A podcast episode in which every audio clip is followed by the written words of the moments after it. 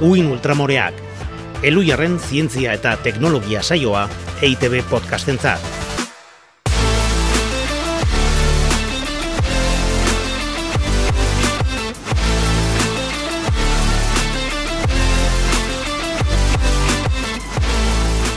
Kaixo, alaitz otxoa deribe agirre. Kaixo, anagalarraga aiestaran. Eta kaixo entzuleok, ondo entzuten algaitu zue? Igual baten batek entzutearekin batera dastatu ere egiten gaitu. Zuk uste? No, baliteke. Kasu horretan, zer zapore izango ote dute arentzat gure hitzek? Gazia, gozoa, metalikoa, kaso? Mikatza, seguro. E, aizu, zureak. Edo kolore bereziak agertzen zaizkio gure ahotsak adituala, edo beroa sentitzen du. Horrelako sentsazioren bat baduzu, sinestesia duzulako da. Eta justu hori da, uin ultramorez aztertuko dugun gaia, sinestesia. Izan ere oso ez ezaguna da, eta uste okerrazko ere badaude horren inguruan.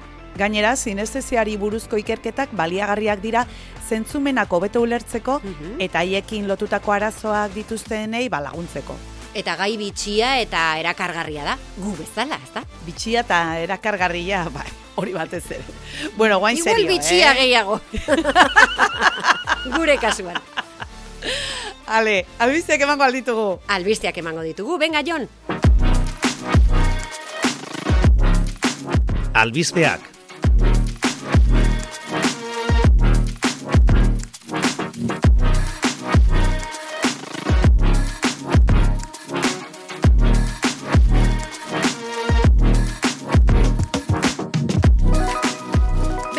Hasiko naiz, gogoz etorri naiz eta. Giza immunoeskasiaren virusaren infekzioak zahartzea eragiten du, ez antirretrobiralek soilik. Aber, kontua da, gibaren infekzioa dutenek zahartze goiztiarra izaten dutela eta zahartzearekin lotutako gaitzak garatzen dituztela. Eta orain arte uste izan da, infekzioa kontrolatzeko hartzen diren botika antirretrobiralak zirela horren eragileak. Ba orain egin duten ikerketa batean ordea, tratamentu hartzen duten pertsonekin batera, iesa garatu ezin duten pertsonak ere aztertu dituzte. Pertsona horiek mutazio bat dute, eta horrei esker, gibarekin kutsatu arren ez dute arazorik. Virus, virusari ugaltzea galarazten baitio haien mutazioak. Ah, orduan, a ber, gibak berez e, IESA sortzen duz, IESA sortzeko antirretrobiralak hartzen dituzte, baina badira batzu mutazio badutenak, eta hoien Mhm. naiz eta gibarekin kutsatu, ez dia... Erresistenteak dira. Erresistenteak dira, ez da dituzte botikak hartu, er, da. Vale, Eta ez dute positibo ematen, ez dira Ja. zero positiboak. Ez errez. Vale. Bueno, ba, ikerketa horretan ikusi dute, haien odolean, ez da, e, Mutazioa dutenen horietan. hori da, zahartzearekin lotutako molekula baten maila igota e, daukatela, ez da? Justu, gibaren aurkako tratamendua jasotzen dutenek bezalaxe. Molekula hori maila normalean dago infektatu ez direnetan, eta beraz, infekzioaren ondorioz igotzen dela ondorioztatu dute. Hortaz, litekeena da antirretrobiralek ere zahartzea eragitea, baina botikak hartu ala ez, virusarekin infektatzeak ja zahartze goiztiarra eragiten du. Ze interesgarria izu. Baietz? Bai. Jo, ba, beti, nik aitu izan dut hori, antirretrobiralen kontu hori, eta orduan ez da, da, infekzioa bera, ona, ona, ona. Bueno, nik badaukat bat, hola, interesgarria, baina oso bestelakoa egia esan. Erakargarria edo bitxia? E, ba, bilak, Bilak, bilak. bilak, bilak, Oso ondo. bilak. Ea, ba, bai, bota. ze katutxua daude tartian, katutxoen bideoak zein ez zaizkio gustatzen. Hombre, danok pasatzen dugu eh, orduak eta orduak interneten Egoitzen den, hola, bideoei melodia tonto bat, hola, pixkat. Miau. Ai, zeo zen, jarriko dezu, ez da. NASA horrelako bideo bat erabili du probatzeko telekomunikazio sistema berri bat. Espazioan eta distantzia onditara, ba, e, irrati erabiltzen dira, ez da, betitik. Informazioa bidaltzeko. Bai, baina muga daukate. Oso informazio gutxi bidali daiteke aldi berean, eta, bueno, horrek ba, komunikazioetan muga ekartzen du. Orduan, sistema berri bat probatu nahi zuten laser bidezkoa. Laserra zer da, argia. Argia den Bai. abiaduran bidaiatzen du beraz espazioan. Mhm. Eta gainera, moldatu dute, ba hori, informazio, ba, kopuru, ja, potologoak eta bidaltzeko. Eta proba egiteko, ba, katu baten bideo bat bidali dute, amabo segundukoa, Noraino? Hogeita amaika milioi kilometrotik ona. espaziontzi batetik honea Ze bidali esatea dute. zu, Eta hori e- da, laro gehi aldiz, lurra eta ilargiaren artean dagoen distantzia. Bueno, ba, ez dakit ze iruitze zaiten e, harrigarriago, ezta? E, distantzia horretara informazioa bidaltzea lortzea, bere hortan, ezta? Lorpen zientifiko teknologiko hori, edo horretarako e, aukeratzea katu baten bideo bat. E, esan gure bizi dugun garai honen isla ere bada, ezta? Garai batean espaziora bidaltzen ziren eta hemen kontatu izan ditugun e, zundetan ze bidaltzen ziren, ba, sinfonia bat, maitasun mezu bat, eta bai, ba, katutxo bat. Hori da, baina bueno, honekin behintzat frogatu dute laser bidezko teknologia horrek balio duela espazioko komunikazioetarako eta gainera ba nahiko lukete marterako bidaietarako edo ja prestizatea eta bueno, bai, ez da, Bai, ja, ze esan beharra dago, e, bidaia horiek oso luzeak izango direla, eta bidean, pues, noski, katuen bideoak ikusi beharko Claro, dituztela claro. Efectivamente. Ordan oso baliagarria, oso ondo atera Oso. zaie eta primera naizu. Ederki. Aizu eta baldakazu beste zerbait kontatzeko. Egunero ikasten da zerbaiterako. Ah, bai, duzu? ikasi Bai. dut, ikasi dut, ea. Bota, bota. Egunero ikasten da zerbait.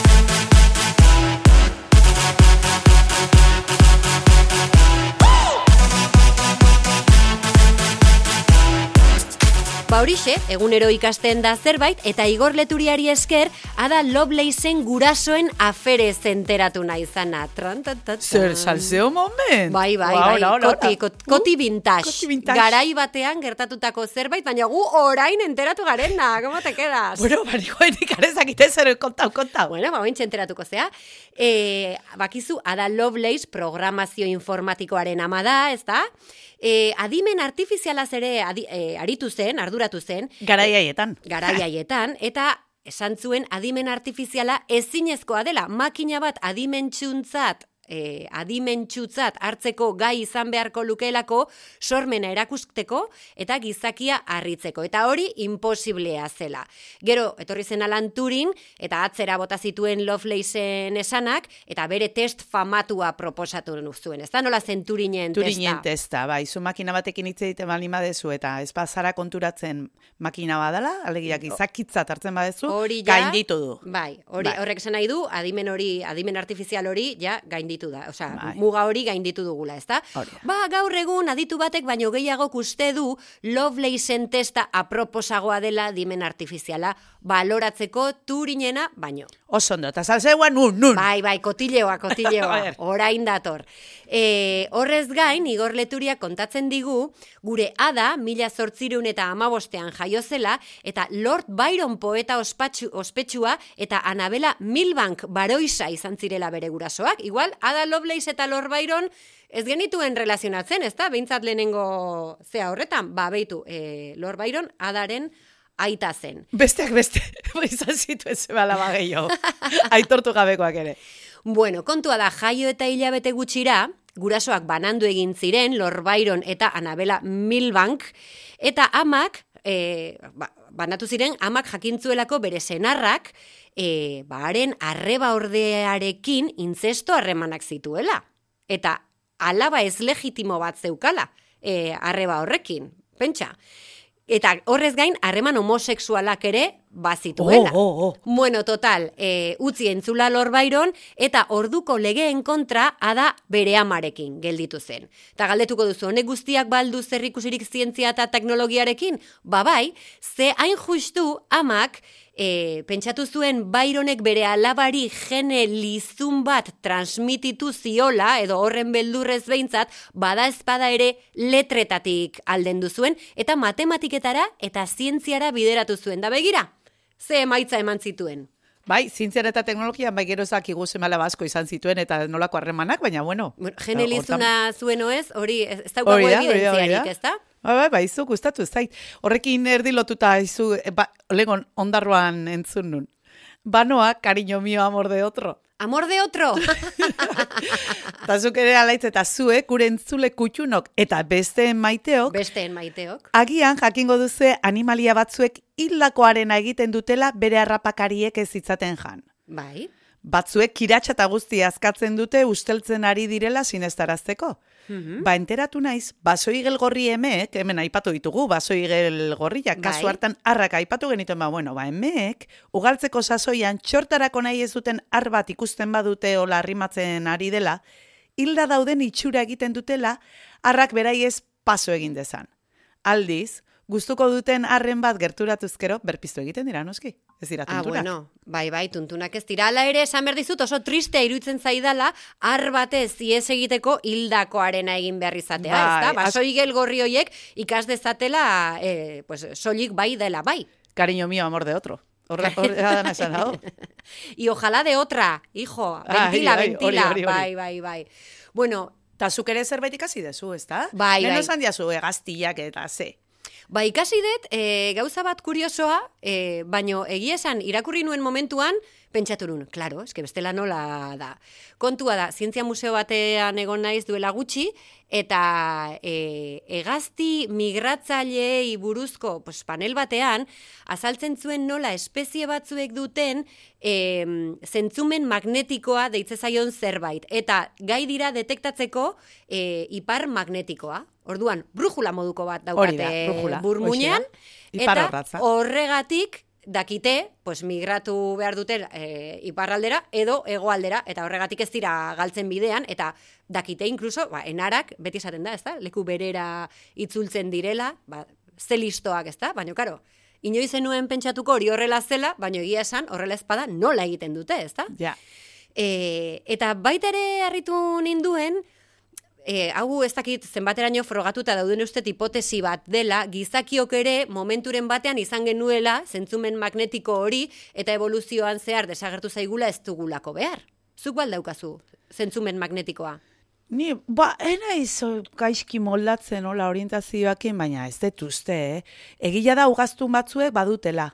Eta adibidez eta zeoek badute, migratzen dutenak, eta hain justu azalpen bat, ba, batzutan azaltzen dira, ba, masiboki baleak edo edo izurdeak eta gondartzetan gelditzen direla bai. ondartzaratuta, nari kantatzen duen bezala. Bai. Ba, izan daitekela hipotesia da, eh? Baina eguzki ekaitzak gertatzen direnean, hor eh, magnetosferari eragin egiten dio, eta hor sortzen diren asalduren gatik eta galtzea orientazioa. Iparra galtzea, denoi pasatzen zaigu momenturen batean. Eta bukatzea orduan galduta ondartzaratuta. Hori da Ah, azalpenetako bat, Ah, bai, bai, bai. Ba, nahi bakizu ze pasatzen zaiten, em, naiz da bidea zein den jakinez, Bai. ni e, bere konturatzen naiz, noiz galduta nagoela. Ezta? Zerbaitek petatzen dit buruan, pa, Ba. eta esate, hemendik ez da. Ez dakit nondik den, baina hemendik ez gaizki noa, eta be, berehala ta, eta pentsate, ah, zentzumen magnetikoa edukiko dut, ez daukat evidentziarik. Burutazio bada. Baina, bueno, igor Bueno. leturiak bezala, e, gure entzuleek ere zerbait kontatu nahi badigute tarte honetan zabaltzeko, ba badakite zer egin behar duten, ez da, Ana? Sare sozialen bidez guri kontatu, edo mezu elektroniko bat bidali, uin ultramoreak abildua eluiar.eus elbidera. Uin ultramoreen begirada.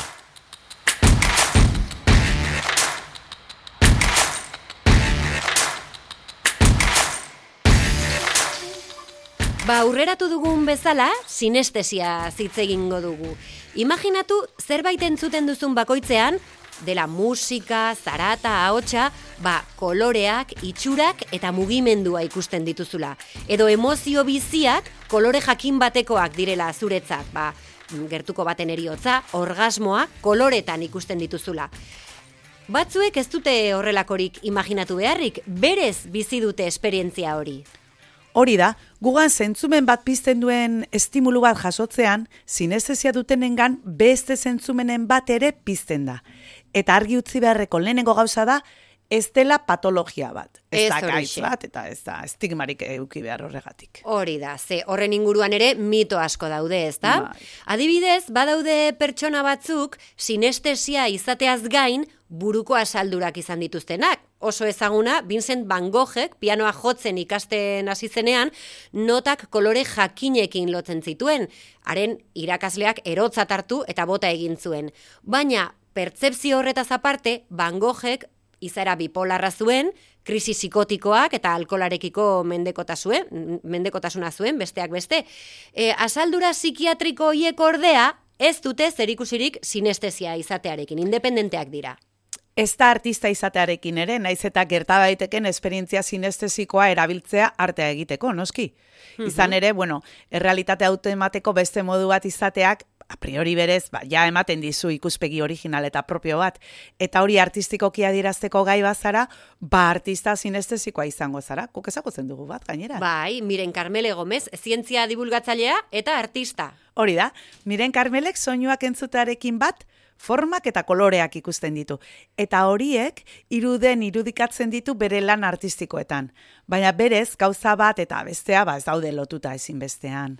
Are gehiago, batzuek konturatuta ingurukoek ez dutela ulertzen zertaz ari diren beren esperientzia sinestesikoaren berri ematen dutenean, ba ezkutatu ere egiten dute, ez da, gaitasun hori, edo Ja. ezaugarri hori. Baina izatez, ez da inarraroa ere, eh? ikerketa egiteko moduaren arabera, ba alde handia dago emaitzetan, baina populazioaren euneko bat eta hogei artekoa izan daiteke sinestesia dutenen proportzioa. Alegia, entzuten ari zareten milaka horien guztion artean, Pentsa ba, ja, eunka edo zaudete hor, Bai, bai, bai. sinestesia duzuenok. Ba, sinestesia mota goikoenetako bat, eta hori jakingo dezu ez, ezuek badakizue, zuei ere gertatzen zaizuelako, ba, soinuak eta koloreak lotzen dituena da. Soinuzko estimulu batek kolorea ikusteara egiten duen sinestesiaren barruan, soinua musikala izatea dago, eta kasu horretan, hiru sinestesia mota egon daitezke. Timbrea eta kolorea lotzen dituena, akordea kolorearekin lotzen duena, eta musika tresnaren araberakoa. Dana dala, sinestesia mota bat duena normalian beste askore izaten ditu, eh? Mhm, Eta zentzumenen arteko loturak ez ezik, bestelakoak ere agertu daitezke. Adibidez, letrak edo zenbakiak sexu jakin batekoak izatea, hau da, arrak edo emeak, edo baita ere, ba, hoiek pertsonifikatzea. Eta emozioek ere piztu ditzakete zentzumenak. Sailkapen baten arabera, pertzepzio hauek guztiak izan daitezke koloretan. Ukimena, mina, temperatura, izaera, zaporea, usaimena, emozioa eta orgasmoa ere koloretan. Ba, Sentitu bai. daiteke. Ba, bai, bai, bai, bai, izan dezu emozioak eta orgasmoak, eta aspalditxo, ba, Eluia Aralizkarirako egin nuen erreportaje batean, Miren Karmelerekin hitz egin nun, baina baita Leire Alberdirekin ere. Eta har kontatu zidan bere bikotekideak flipatu egiten zula esaten zunean, ba, gaurkoan orgasmoa ba, urdin ilune izan da, edo laranja. Eta gertuko... Ba, bikoteak flipatzen bazun, pentsa beak, ez da? Bueno, beretzako normala. za- Orgasmoa 360. Hori da, horrela ere sentitzen zuen. Eta gertuko eriotza bat izan zuenean nola bereziki unkigarria, berde turkesa kolorekoa sentitu omen zuen. Mhm. Eta gaina esplikatzen zuen koloreak bere kasuan behintzat ez direla pastelak, izaten direla oso kolore solidoak. Eta mugimendu lehun bat ere badaukatela, hola, kortina bat e, mugituko alditz bezala airearekin, edo urbarearen mugimendua, edo horrelako zerbait. Ikaragarria, eh? Bai, bitxia. Bai, bai. Bueno, sinestesiaren ezaugarriak eta motak ez ezik, zientzialariek fenomeno horren jatorria ere ikertu dute. Antza denez, oinarri genetikoa du eta eredagarria da. Zenbait ikerketen arabera, emakumezkoetan zabaldua dago gizonezkoetan baino, eta horregatik, ba, isa kromosomarekin zerikusia izan dezakeela pentsatu izan dute batzuek. Baina oraingoz, ez dute alakorik frogatzerik lortu. Bueno, isa kromosomarena noski ba hori guk bi dauzkagulako pena, hori evidentziarik ez daukagula, jarraitu dezatela eta enteratuko gea. Bai? Baina hori alde batera utzita, garunaren garapenean gertatzen diren prozesuekin erlazionatuta dagoela ere uste dute ikertzaiek. Hor nunbait, ba, amar amabi urte ditugunean, gertatzen da prozesu bat izena dula kimatzen neuronala, kimatu ba, Bai. zuaitzak kimatzen dian bezala, adarrak mozen oso polita irutzen zait kontzeptu hori, Bai. kimatzen neuronalarena. Ba, horren bidez, egiten da, dana da, ba, garunak ordura arteko dituen konexio neuronal mordotik, osea, pilaka eta pilaka dana lotuta daude, ez da, ba, kimatze horretan, batzuk gelditzen dira finkatutak eta besteak baztertu egiten dira. orduan. Mhm. Ba, konexio asko eta asko ja galdu egiten dira betirako. Eta zer gertatzen da sinestesia dutenetan? Ba kontua da aurren garunak konexio asko sortzen dituela eremu desberdinen artean, eta batzuek badirudi esperientzia sinestesikoak dituztela. Gero baina, kimatzen neuronala gertatzen denean, aurroietako batzuek galdu egiten dute ezaugarri sinestesikoa, baina beste batzuek ez, eta heldutan ere jarraitzen dute sinestesikoak izaten.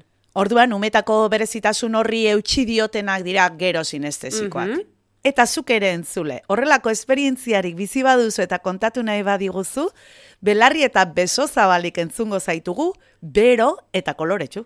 Eta nik jakin nahi dut, ea uin ultramoreak, kolore more batean entzuten dituen. Aioa, jo, ez dakit, beitu, ba, miren, klaro, bakoitzak desberdin, baina miren Bai. Karmelek e, bokalea koloreetan ikusten ditu, eta A txurilla da ordan ere izena, Ana Galarraga da erabat txurilla Zuri, beretzako.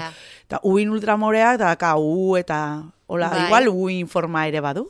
Bueno, Jo, galetuko dio. galdetuko diogu. Gaurko zordea nahikoa hitz egin dugu, Ah, gai bai, honi buruz, eta gelditzen zaigu, ba, azken tartea, ez da? Hori da, guazen, guazen. Egia, gezurra, ala ez dago nahikoa evidentzia.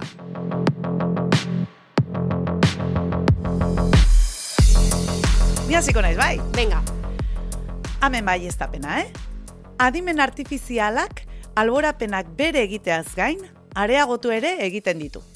ta hau trampa txiki bada ez da, na?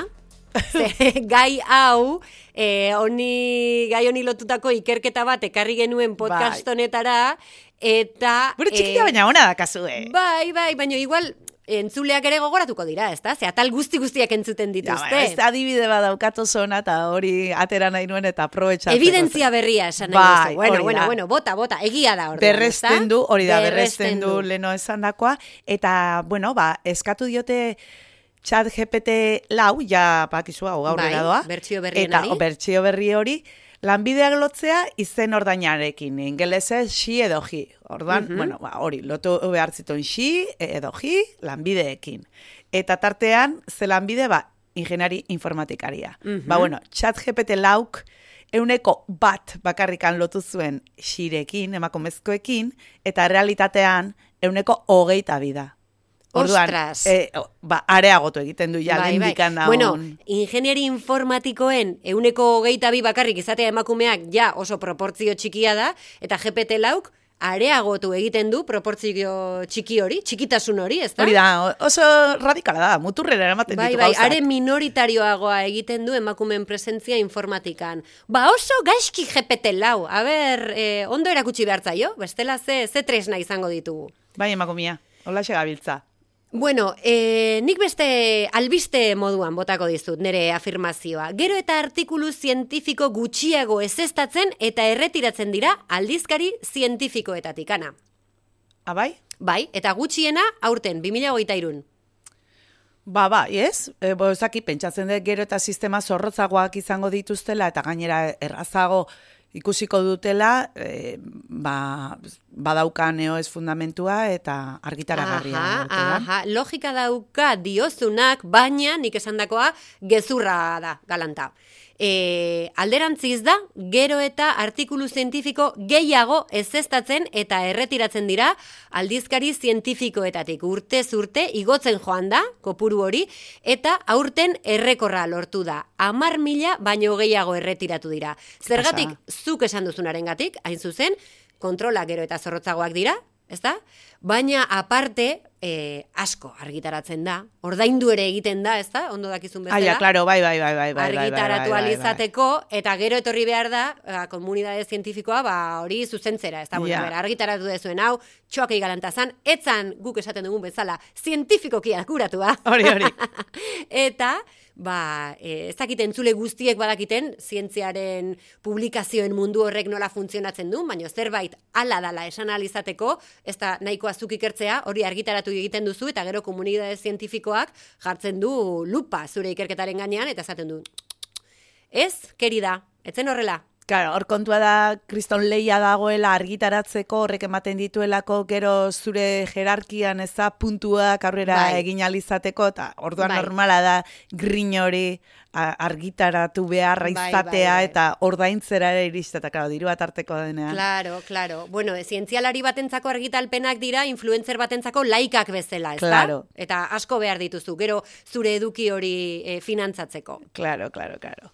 Bueno, ba, gai ez aldatuta guztiz, lo gutxi egiteak argaltzen laguntzen du. Baizea. Claro, ze lo gutxi te bali maizu bitartien gauzak egiten naiz eta gauzak Bai, egiteak, bai. ba, ba kaloriak erretzen Gezurra, ditu. gezurra, gezurra. Gezurra. Bueno, bueno, bueno. Hor, eh, seguru nago, zientifikoki frogatuta dagola justu alderantziz dala, baino aparte, eh, bueno, e- evidentzia nahikoa daukat kontrakoa esateko.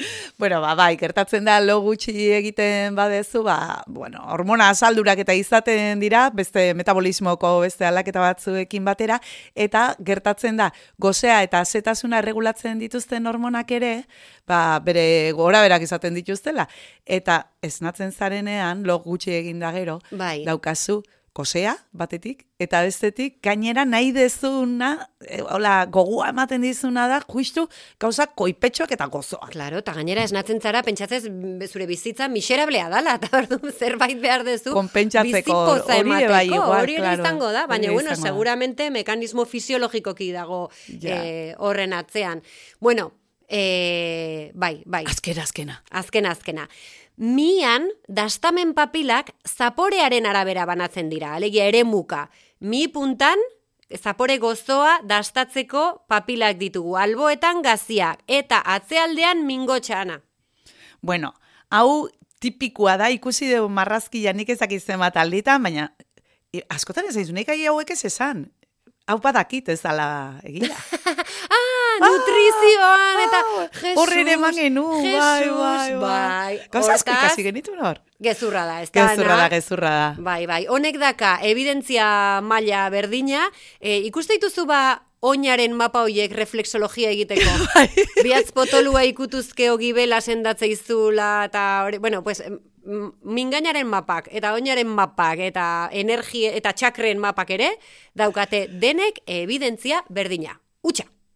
Jo, ekaina behar izatia ez dakit horrelakoa aitzaki bat, ez hankeetan masaje bat eskatzeko ez da? Ah, Bai. Eskatu lasai, hombre, guztau ite bali mazaizu, taun ite bali maizu. Bai, ez, baino, jo, ho- horregatik izango balitz, ezta? Oinetako masajeak e, erostea, Bai. primeran iruditzen zait. Bai, bai, eta, horregatik. eta saltzea, baina zuk nei oinetako masaje bat saltzea, esanez sendatuko diazula bizkarreko mina, Ez hori iruzurra. ba juntzaite pikutara, egia esan. Bueno, Bai.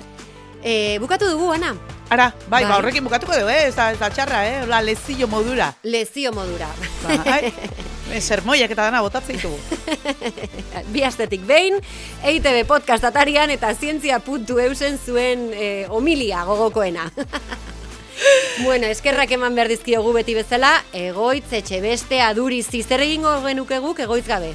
Ba, akats pila batekin entzuko zerukete, ba- eta batez ere barreak eta etzinateke erdira zer enteratuko beraz, bai. Ez, ez, ez. Lan handia gaitz, eskerrik asko. Eskertu jozu ez zuek ere bai. Eta, bueno, ba, honekin bukatu dugu, ez Hori da, aurren arte, entzule. Cariño de otro, amor de mío, nola san? Amor de otro, amor de otro, agur.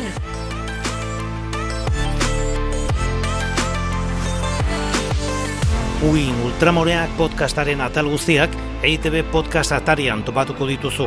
Eluiaren zientzia.eus webgunean eta ohiko audio plataformetan.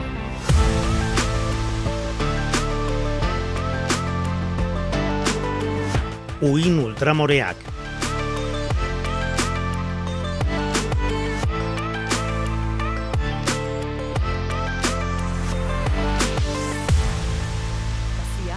Kasu horretan dute, ane, ana, ane. Vale.